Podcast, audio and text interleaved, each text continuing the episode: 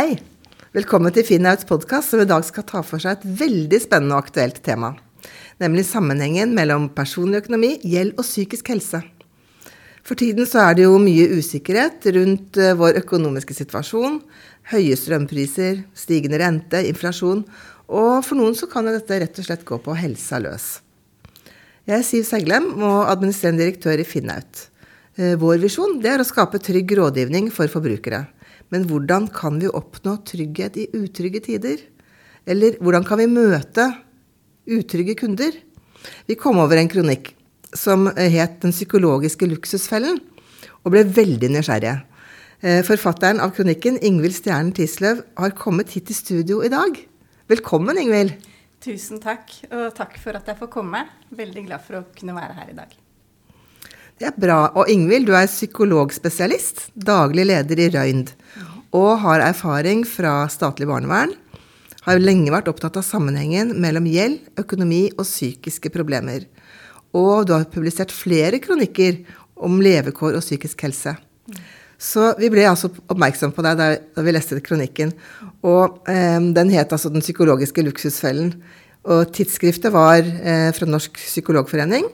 Men der skrev du også noe annet som vi fattet stor interesse for, og som var veldig relevant for, for oss i Finnaut. Og det var at det var et prosjekt om å lage en veileder for hvordan bankansatte kan møte kunder med psykiske problemer. Mm. Det må vi vite mer om. Og med i dette prosjektet så eh, kom vi over Diana. Vi har en gjest til, nemlig eh, Bank 2. Der er Ingvild, eh, traff Ingvild Diana Peters. Hun er markedssjef. Så velkommen til deg, Diana. Tusen takk. Veldig hyggelig å bli invitert. Og du eh, har fortalt oss at du er også opptatt av gode kundeopplevelser og skape verdi for kunden. Eh, men så eh, sa du noe da vi snakket i forkant, at du kom fra en litt annen bakgrunn da du startet i Bank 2, og du måtte tenke litt nytt om kommunikasjon. Kan ikke du fortelle litt mer om det?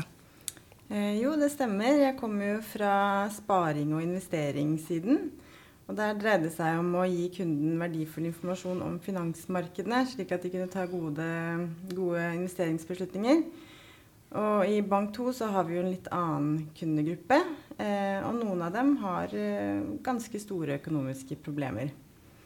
Så det krevde at vi måtte tenke litt nytt. Mm, når du sier annen kundegruppe, kan du si et par ord om hvordan den skiller seg fra andre banker? Eh, ja, altså Bank 2 er en spesialbank. Det, vi er spesialisert på å gi refinansieringslån til kunder som gjerne ikke får lån i sin ordinære bank pga. kanskje betalingsanmerkninger eller for mange forbrukslån.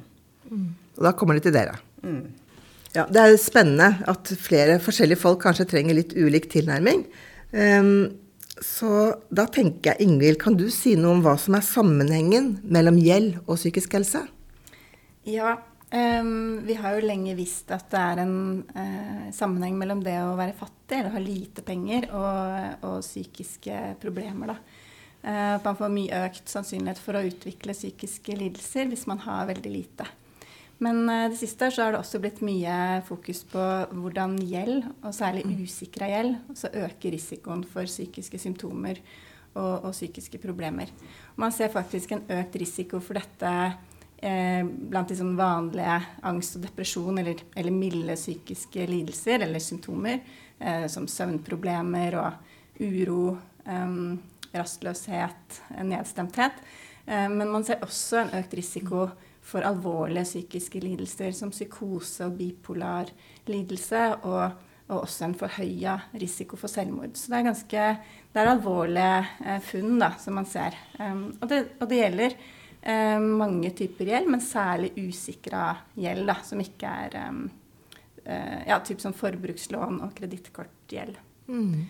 Og så er det en sammenheng mellom det å ha økonomiske problemer, og det trenger jo ikke bety at du har masse gjeld, men at du har problemer med å styre økonomien din. Um, det er vanskelig med å disponere uh, den inntekten du har.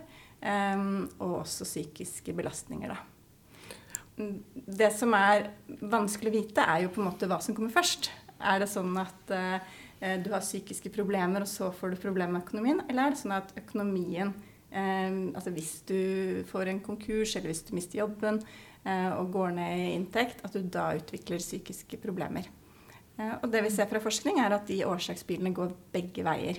Mm, så du tenker at det både kan være at man har i utgangspunktet psykiske problemer og ikke håndterer økonomien sin, men at det også kan være omvendt. At man ikke håndterer økonomien og får psykiske problemer av det. Ja. Og det er vanskelig å vite eh, når du møter den enkelte. Hva er det som gjelder her? Eh, og det er derfor vi har blitt opptatt av at eh, derfor så må vi liksom favne begge deler samtidig. Vi kan ikke avgjøre mm, hva som gjelder for den enkelte i møte med dem, verken om man er psykolog eller om man er kunderådgiver. Eh, så vi må forholde oss til at psykiske lidelser og økonomiske problemer henger sammen. Eh, ja. Det er kjempespennende. Men er dette noe som er statisk, tenker du, eller er det noe som alle kan oppleve? Jeg er veldig glad for at du spør om det. fordi um, ja, Vi har snakka litt om dette med er det sårbare kunder, er det det vi er opptatt av? Mm. Um, og, og, Som psykolog så vet jeg at det å bli rammet av en psykisk lidelse, det kan jo skje hvem som helst. ikke sant? Det én uh, av to for symptomer på psykiske, uh, eller psykiske symptomer i løpet av livet sitt. Så det er jo veldig, mm. veldig vanlig. Mye mer vanlig enn uvanlig. Um, så er det jo sånn at du kan få store utfordringer og problemer eh, også ved at det skjer ting i livet ditt, da, som livshendelser som en skilsmisse eller et dødsfall, eller noen blir syk, du blir syk. Eh, og da kan du oppleve noe av det samme funksjonsfallet som du vil gjøre hvis du utvikler en psykisk lidelse. da. Ja, Altså at man er i ubalanse pga. en livshendelse. Ja. Og så trenger man rett og slett en periode eh, noe hjelp, da. Ja. Med det økonomiske også, kanskje? Ja, ikke sant? for det er mm. noe av det vi ser på de som, um, de som, strever psykisk. At noe av det første som forsvinner, er jo den evnen til å være strukturert og planlegge og gjøre de rutinemessige oppgavene. Være fokusert. Og det er litt også det samme som skjer når du møter en eller annen livskrise. At mm. det er noe annet som blir viktigst. Og da forsvinner de tingene som virker mindre viktige og mindre prekært, kanskje litt i bakgrunnen. Mm. Og når det er økonomien, så kan det få ganske store følger da, på sikt. Hvis du, hvis du liksom mister grepet om, eh, om, nettbanken og betaler regninger og sånn, så kan jo det fort bli mye dyrere, da. Det vet jo dere som jobber med finans. Ja, og de som jobber med finans, de er vel kanskje i utgangspunktet eh, spesielt opptatt av struktur og ha orden på sånne ting. Og eh, vi snakket jo litt om det, eh, også dette med litt holdninger, ikke sant. At eh, typisk så kan eh, kan man tenke at en som jobber i bankvesenet, da, eller som rådgiver, eh, har så struktur og orden at det gapet blir eh, enda litt større. At man kan være litt engstelig for å ta kontakt. Og da, da leste jeg i artikkelen din, jeg må jo vise til den igjen, for jeg ble litt, litt sånn hjerteglad på vegne av alle rådgiverne da, når du skriver at eh, i stedet opplevde de et oppkom av gode forslag og bankansattes entusiasme over å finne løsninger for å nå dem som strever med et vanlig kundeforløp, var nydelig. Mm. Og da ble jeg så glad, så tenkte jeg ja, sånn skal jeg ønske at det var at alle møtte eh, sin rådgiver. Så tenkte jeg i utgangspunktet så kan det nok hende at du ble glad fordi du også var litt skeptisk. Ja. Og jeg tror eh, Det er bare min antakelse, så du behøver ikke svare ja eller nei på det. Men jeg tenker at kanskje særlig hvis man er i en litt sårbar situasjon i en periode, så er den skepsisen til stede fordi at man ikke helt vet hva man skal gjøre. Mm.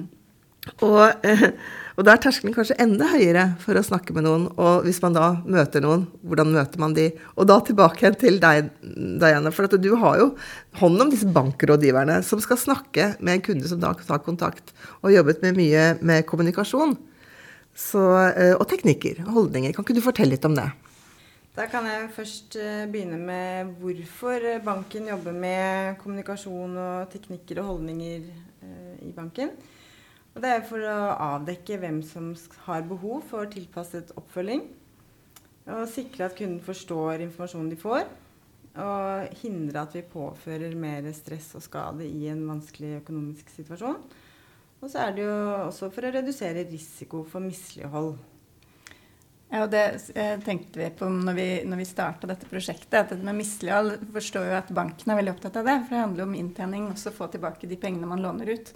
Eh, men vi var også opptatt av at eh, mislighold er ikke bare negativt for banken, men det er også veldig skadelig for den enkelte som ikke klarer å, eh, å betjene gjelda si. Da. Og at det er kanskje det det å ikke få til å, å, følge opp sånne forpliktelser som fører til det stresset som, som er så skadelig. Um, så når vi så på, eller satte som en målsetning å få ned misligholdet, så handla det ikke det bare om banken, men det handla også om at eh, de enkeltindividene skal få det bedre. Eh, føle at de er mer i kontroll og få mindre økonomisk stress. Eh, og, og, det igjen sant, vil jo bety at de kan være mer til stede for familien sin. Eh, som igjen vil ha en positiv innvirkning på, på samfunnsnivå. Da. Og vi vet jo at de som virkelig da ikke klarer å betjene lånet sitt, og kanskje går konkurs eller må på gjeldsordninger, sånn, det er også en kjempebelastning på samfunnsnivå. Så, så, vi så på det litt som et sånt kinderegg. da, at Hvis vi får ned misligholdet, så vil det være godt både for banken og for individene eh, og for samfunnet. da. Mm. Kjempespennende. Mm. Da snakker vi om kinderegg som, er, eh, som virkelig kommer alle til gode. Ja. Så uh, veldig spennende tanke. Men for å komme dit, da, og med bevisstgjøring nevnte du noe om det, Anna. Kan du si litt mer om eh, hvordan, du, hvordan, dere har si, preppet medarbeiderne deres da, til å være gode i sånne situasjoner? Ja.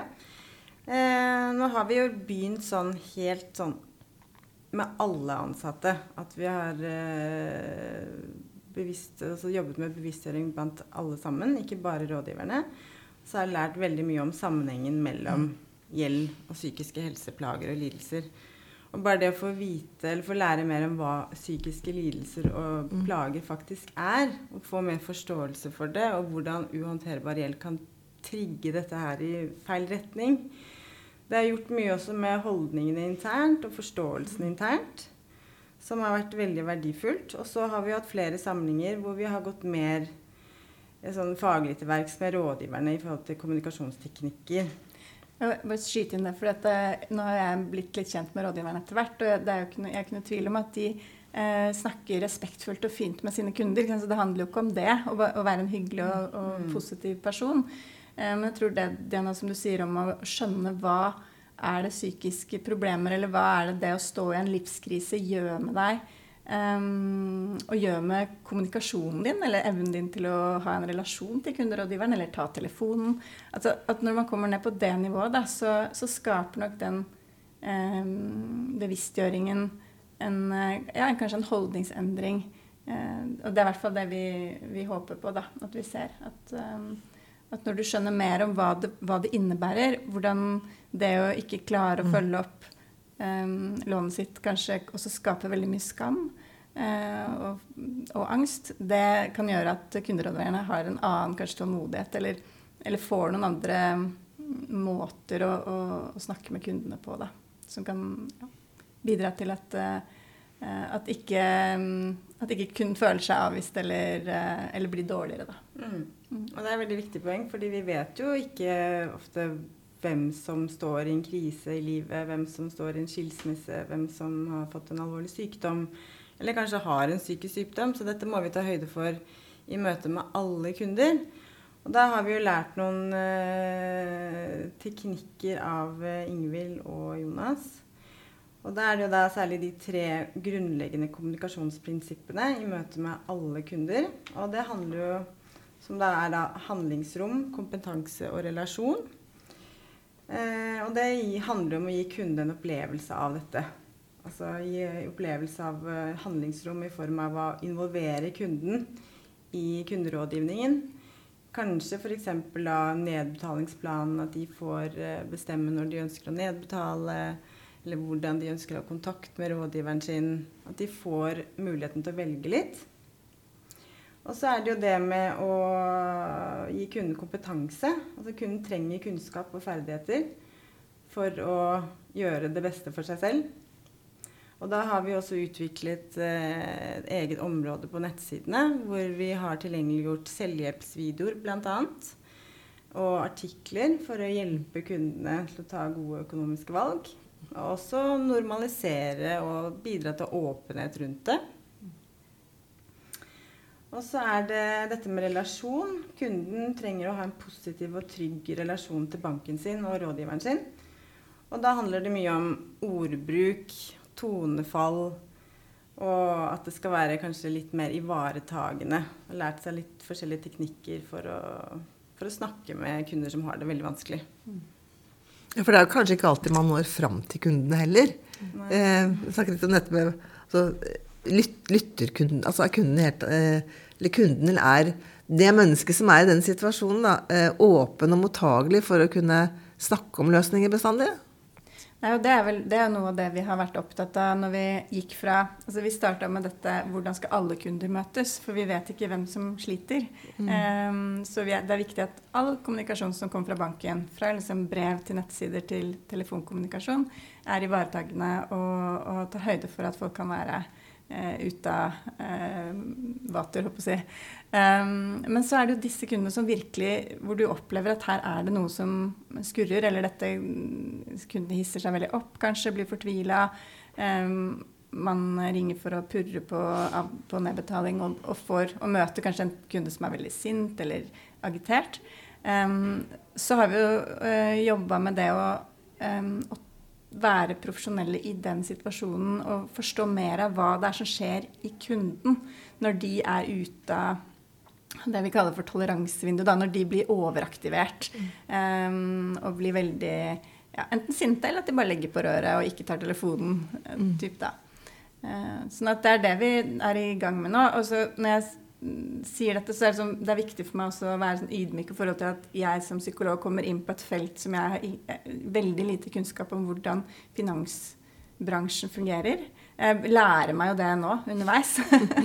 Men derfor er det, det er noe med at vi skal overføre noe vi vet uh, om menneskelig uh, kommunikasjon og motivasjon til noen rammer som er ukjente for oss. Da. Sånn at, uh, jeg har lyst til å understreke at dette er et sånn samarbeidsprosjekt med banken som vi aldri hadde fått til hvis vi skulle kommet inn som eksperter og sagt sånn og sånn skal dere gjøre det. Men vi har liksom vært avhengig av at kunderådgiverne forteller til oss hvordan kan dette overføres til vår hverdag liksom, hvordan kan vi bruke dette innenfor de rammene som vi opererer i? da? Og da blir det spennende å se etter hvert om liksom, kanskje man også må gjøre noe med rammene. Um, så det, det, vi vet jo ikke helt hvordan dette ender, men det er utrolig mye spennende prosesser, tenker jeg. da. Mm det være flott for folkene dine Jan, å få noen verktøy å bruke i sånne situasjoner. Mm. For de fleste som jobber i næringen, har jo vært borti sånn type ubehagelige situasjoner hvor man tenker hva gjør jeg nå? Mm. Man kan jo sin profesjon og er profesjonell, men hvor langt skal man gå da? I forhold til, eh, til hva man kan gjøre. Og det også er jo, hvis du sitter i hodet med et sett av løsninger, og så møter du en kunde som, eh, som ikke er der i det hele tatt, så er det klart at det da tenker jeg at det må være veldig nyttig det dere har gjort nå, å ha noen verktøy å møte kunden på for å komme ned på, komme på, på, si, på nivå igjen da, med kommunikasjon. Men så er det jo ikke alt. Altså, det er et eller annet med realisme her også. Um, hva gjør dere hvis, hvis si, kunden uh, altså, du kan jo ikke, man, Vi kan jo ikke være psykologer heller. Nei, sånn det, som du er, ikke sant? Nei, og det tenkte jeg når du sa det at jeg kanskje var litt skeptisk, så tror jeg også at, at det var en uh, gjensidig skepsis. At uh, ja, skal vi nå bli psykologer, ikke sant? Og, uh, og det, det, er jo ikke det som er meningen. Men det handler om å, um, om å lære noen måter å møte mennesker i krise på. som ikke altså, som som gjør det lettere for dem å gå videre eh, etter den samtalen eller etter det møtet. Eh, ikke gjør det verre. Så det er liksom Og det å, um, å tåle kanskje de, den affekten eller de følelsene som kommer ut, og så hjelpe personen å strukturere litt. Nå står du i masse.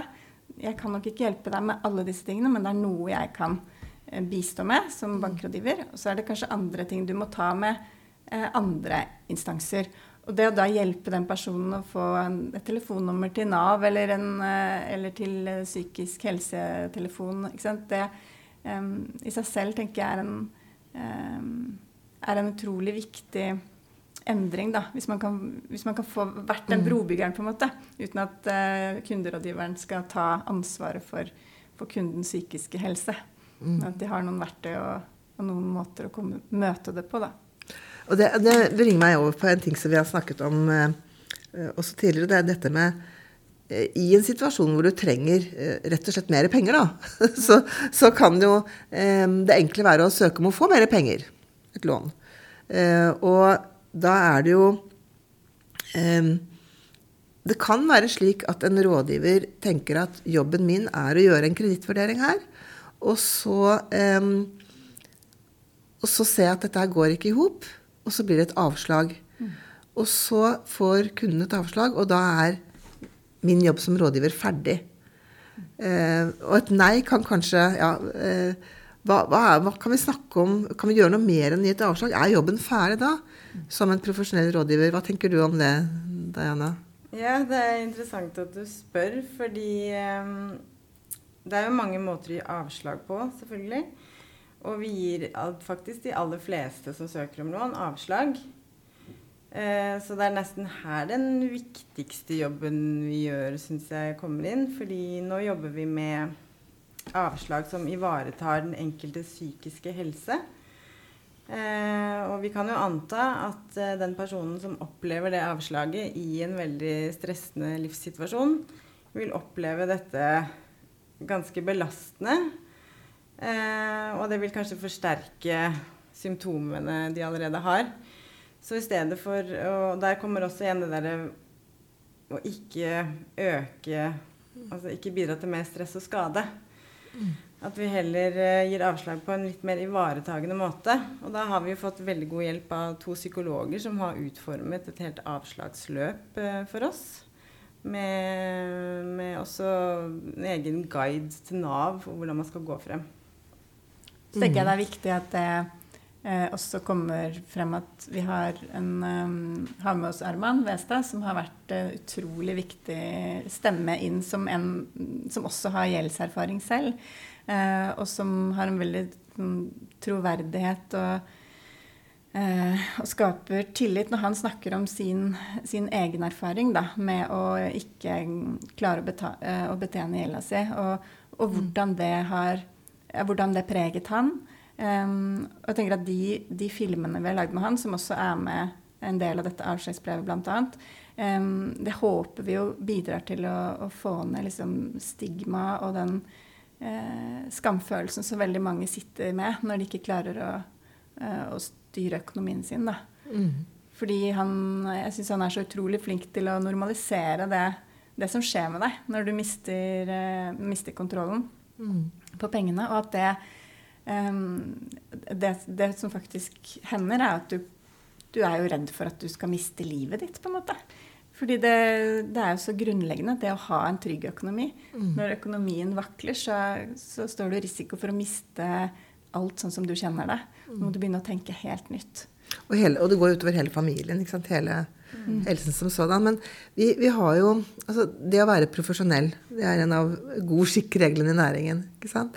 Så um, men tenker at vi, det, det å være profesjonell, ligger det i det også å ha kompetanse om sammenhengen da, mellom økonomi og psykisk helse?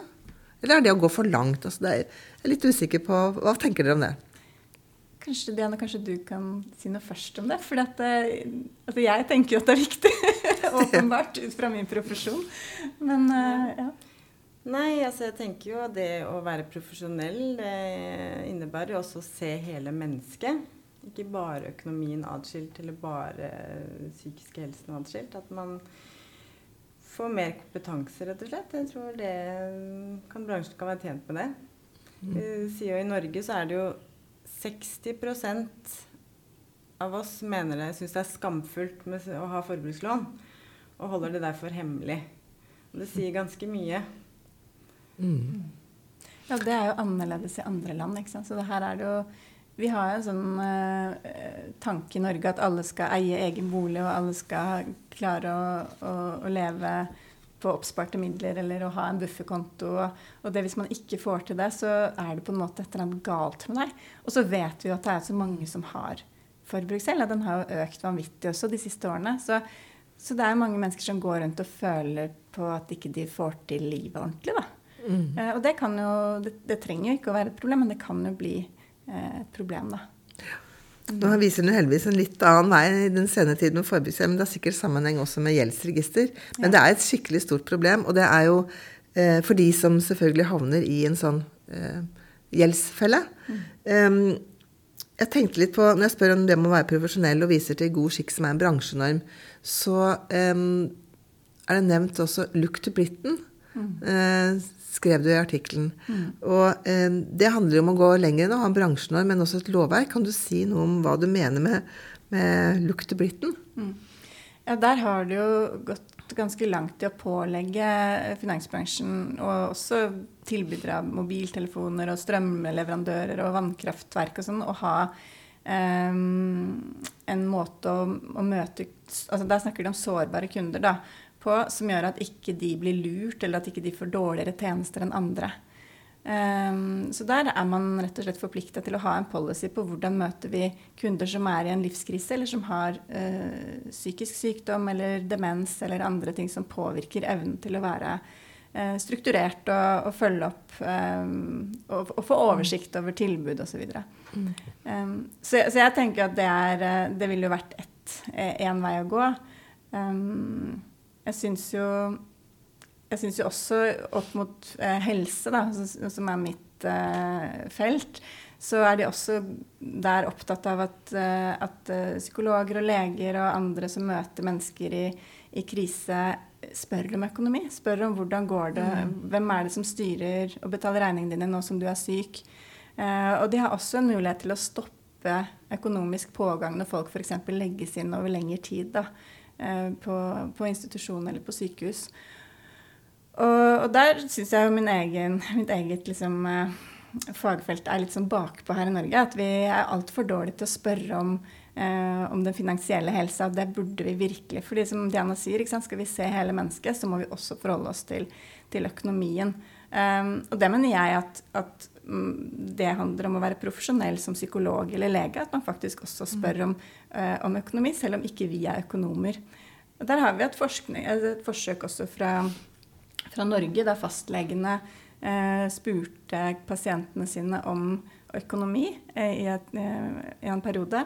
Og hvor de så at det å, å bare spørre om det kunne få ned symptomtrykket til pasientene sine. Og at de fikk eh, en, ofte en eh, svar om at økonomien hang sammen med de symptomene. Særlig sånne mm. diffuse symptomer da, som eh, smerter i ledd og, um, og, symptomer som de ikke egentlig hadde noe somatisk svar på.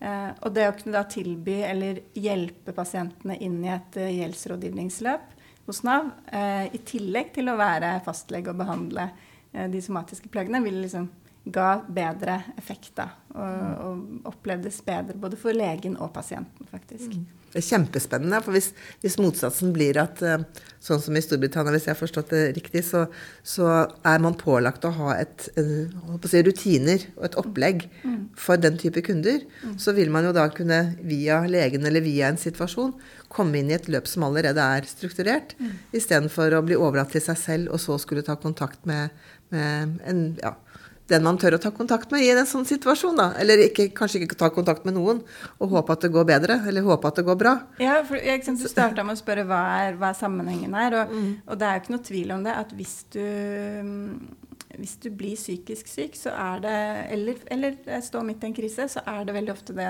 økonomiske som glipper. Og da er det klart at i den perioden hvor du ikke da har kontroll og styring, eh, og så begynner du å bli frisk igjen, eller mm. bedre, komme til hektene, og så er det som møter deg, på en måte en haug med inkassovarsler og betalingsanmerkninger, og du må mm. inn og ordne hit og dit. Og da, det er nesten som å starte Du starter på en måte på minus, da. Mm. Så det å bli frisk eh, kan være vanskelig pga. at ting har hopet seg opp. Så det, så det er en tanke som, som, jeg har fått mye sterkere i det siste, at dette handler jo egentlig om å skape tjenester som, eh, som er tilgjengelige for alle, uansett hvilken livssituasjon man er i. da. Mm. Ja. Det er vanskelig, men jeg tror det er mulig. Ja, absolutt. Vi har jo ikke noe slik lov i Norge. Men det er klart at vi har en bransje som er veldig veldig opptatt av å kanskje gå lenger enn det lovverket krever også. Være profesjonelle og, eh, og ta vare på kunden. Tenke kundens interesser. Så, eh, så, man kan jo spørre seg at eh, hvor langt skal man gå? Det syns jeg jeg har fått gode svar på her. Altså det å kunne legge et uh, løp, det å kunne tenke litt lenger enn bare å si nei på en lånesøknad. Det å kunne møte med respekt. Så her syns jeg at det har vært uh, veldig mye spennende og veldig mye tankevekkende. Men vi må vel begynne å tenke på å avslutte etter hvert også. Vi kunne holdt på timevis. Og det kan jo hende at vi kommer til å oppstå noe samarbeid etter dette her også. Men eh, hvis, vi, eh, hvis vi skal snakke om konkrete handlinger, da. Vi er jo litt glad i det også. Nå har vi blitt eh, kjent med problemstillingene. Eh, det har skjedd mye. Det ser ut til at det kan bli mer samarbeid. Eh, det jobbes intensivt i Bank 2 med både holdninger og verktøy. Så, så avslutningsvis, hvis dere har noen tips da, til finansbedrifter og til rådgivere som dere vil dele, har du lyst til å begynne, Diana? Ja, da tenker jeg først og fremst på bevisstgjøring. Eh, det som overrasket meg mest eh, da jeg kom til banken, var jo eh, egentlig hvor mange nordmenn som egentlig har det ganske tøft økonomisk. Eh, vi deler opp befolkningen i tre. Det er de økonomisk trygge, de utsatte og de som har økonomiske problemer. Man sier at 65% av oss vi er økonomisk trygge. Og så er det ca. 25% er utsatte. Dvs. Si at uh, man tåler ikke en uforutsett regning på 20 000. Og resten, 10% ca., har økonomiske problemer. Dvs. Si at de ikke klarer å betale regningene sine på daglig basis. Mm. 25% er mange? Det er veldig mange. altså Til mm. sammen, da, de utsatte og de med problemer, det blir jo faktisk 35 mm. Hver tredje. Ja nordmann. Det er mange mm. folk mm. som har det veldig tøft. Så jeg tenker at bare den bevisstgjøringen vi jobber med nå, og kunnskapen vi får om de sammenhengene mellom gjeld og psykisk helse, og det å kunne bidra til mer åpenhet, er kjempeviktig mm. i tiden som kommer nå. Som bare blir tøffere for veldig mange mennesker. Mm. Og dere bidrar til åpenhet, og det får vi prøve å bidra til gjennom podkasten også. Mm. Ingvild, har du noe avslutningsvis du har lyst til å dele? Ja, jeg tenkte på det som, som, Diana også sa om hva er det som gjør at, eh, at kundene kan endre atferd, eller få til en, eh, en endring da, I, i, måten de håndterer økonomien sin på. Og da har vi brukt dette med den selvbestemmelsesteorien, da, som handler om at du må ha et handlingsrom. Eh, føle at du har et valg, hva du har lyst til å gjøre. Har du lyst til å begynne å skrive budsjett? Eller hva er hva er det du vil? Hva er det du kan gjøre? Um, og du trenger um, kompetanse og kunnskap. Ehm, du må vite hvordan du skal gjøre det. Eh, og så trenger du å føle tilhørighet eller relasjon da, til, ehm, til kunderådgiveren. Og, og, når vi da snakker om kunder som strever litt ekstra, så er det jo klart at for å være kunderådgiver og gi eh, kundene en opplevelse relasjon, eh, handlingsrom og kompetanse, så er det veldig viktig å vite litt om hvordan eh, psykisk helse påvirker fungering. Så, så, jeg tenker også bevisstgjøring ja, og kunnskap. Og så må vi vite hvordan kan vi bruke den kunnskapen aktivt inn i vår rolle som, som kunderådgiver. Mm. Og det er en litt um, vanskeligere ting da, enn en bare å, å, lære. Da må vi vite hvordan helt konkret overfører vi det vi, det vi lærer, til det vi gjør i praksis. Mm. Og det tror jeg må bli en annen podkast. ja. Flott. Tusen takk til dere. Uh, der fikk vi utfordringen. Dere har begynt å ta den allerede i Bank 2. Uh, eh, og vi får bare oppfordre flere til å ta utfordringene og lære mer om dette spennende temaet. Bli mer bevisst. Så takk for oss, og takk for at du hørte på.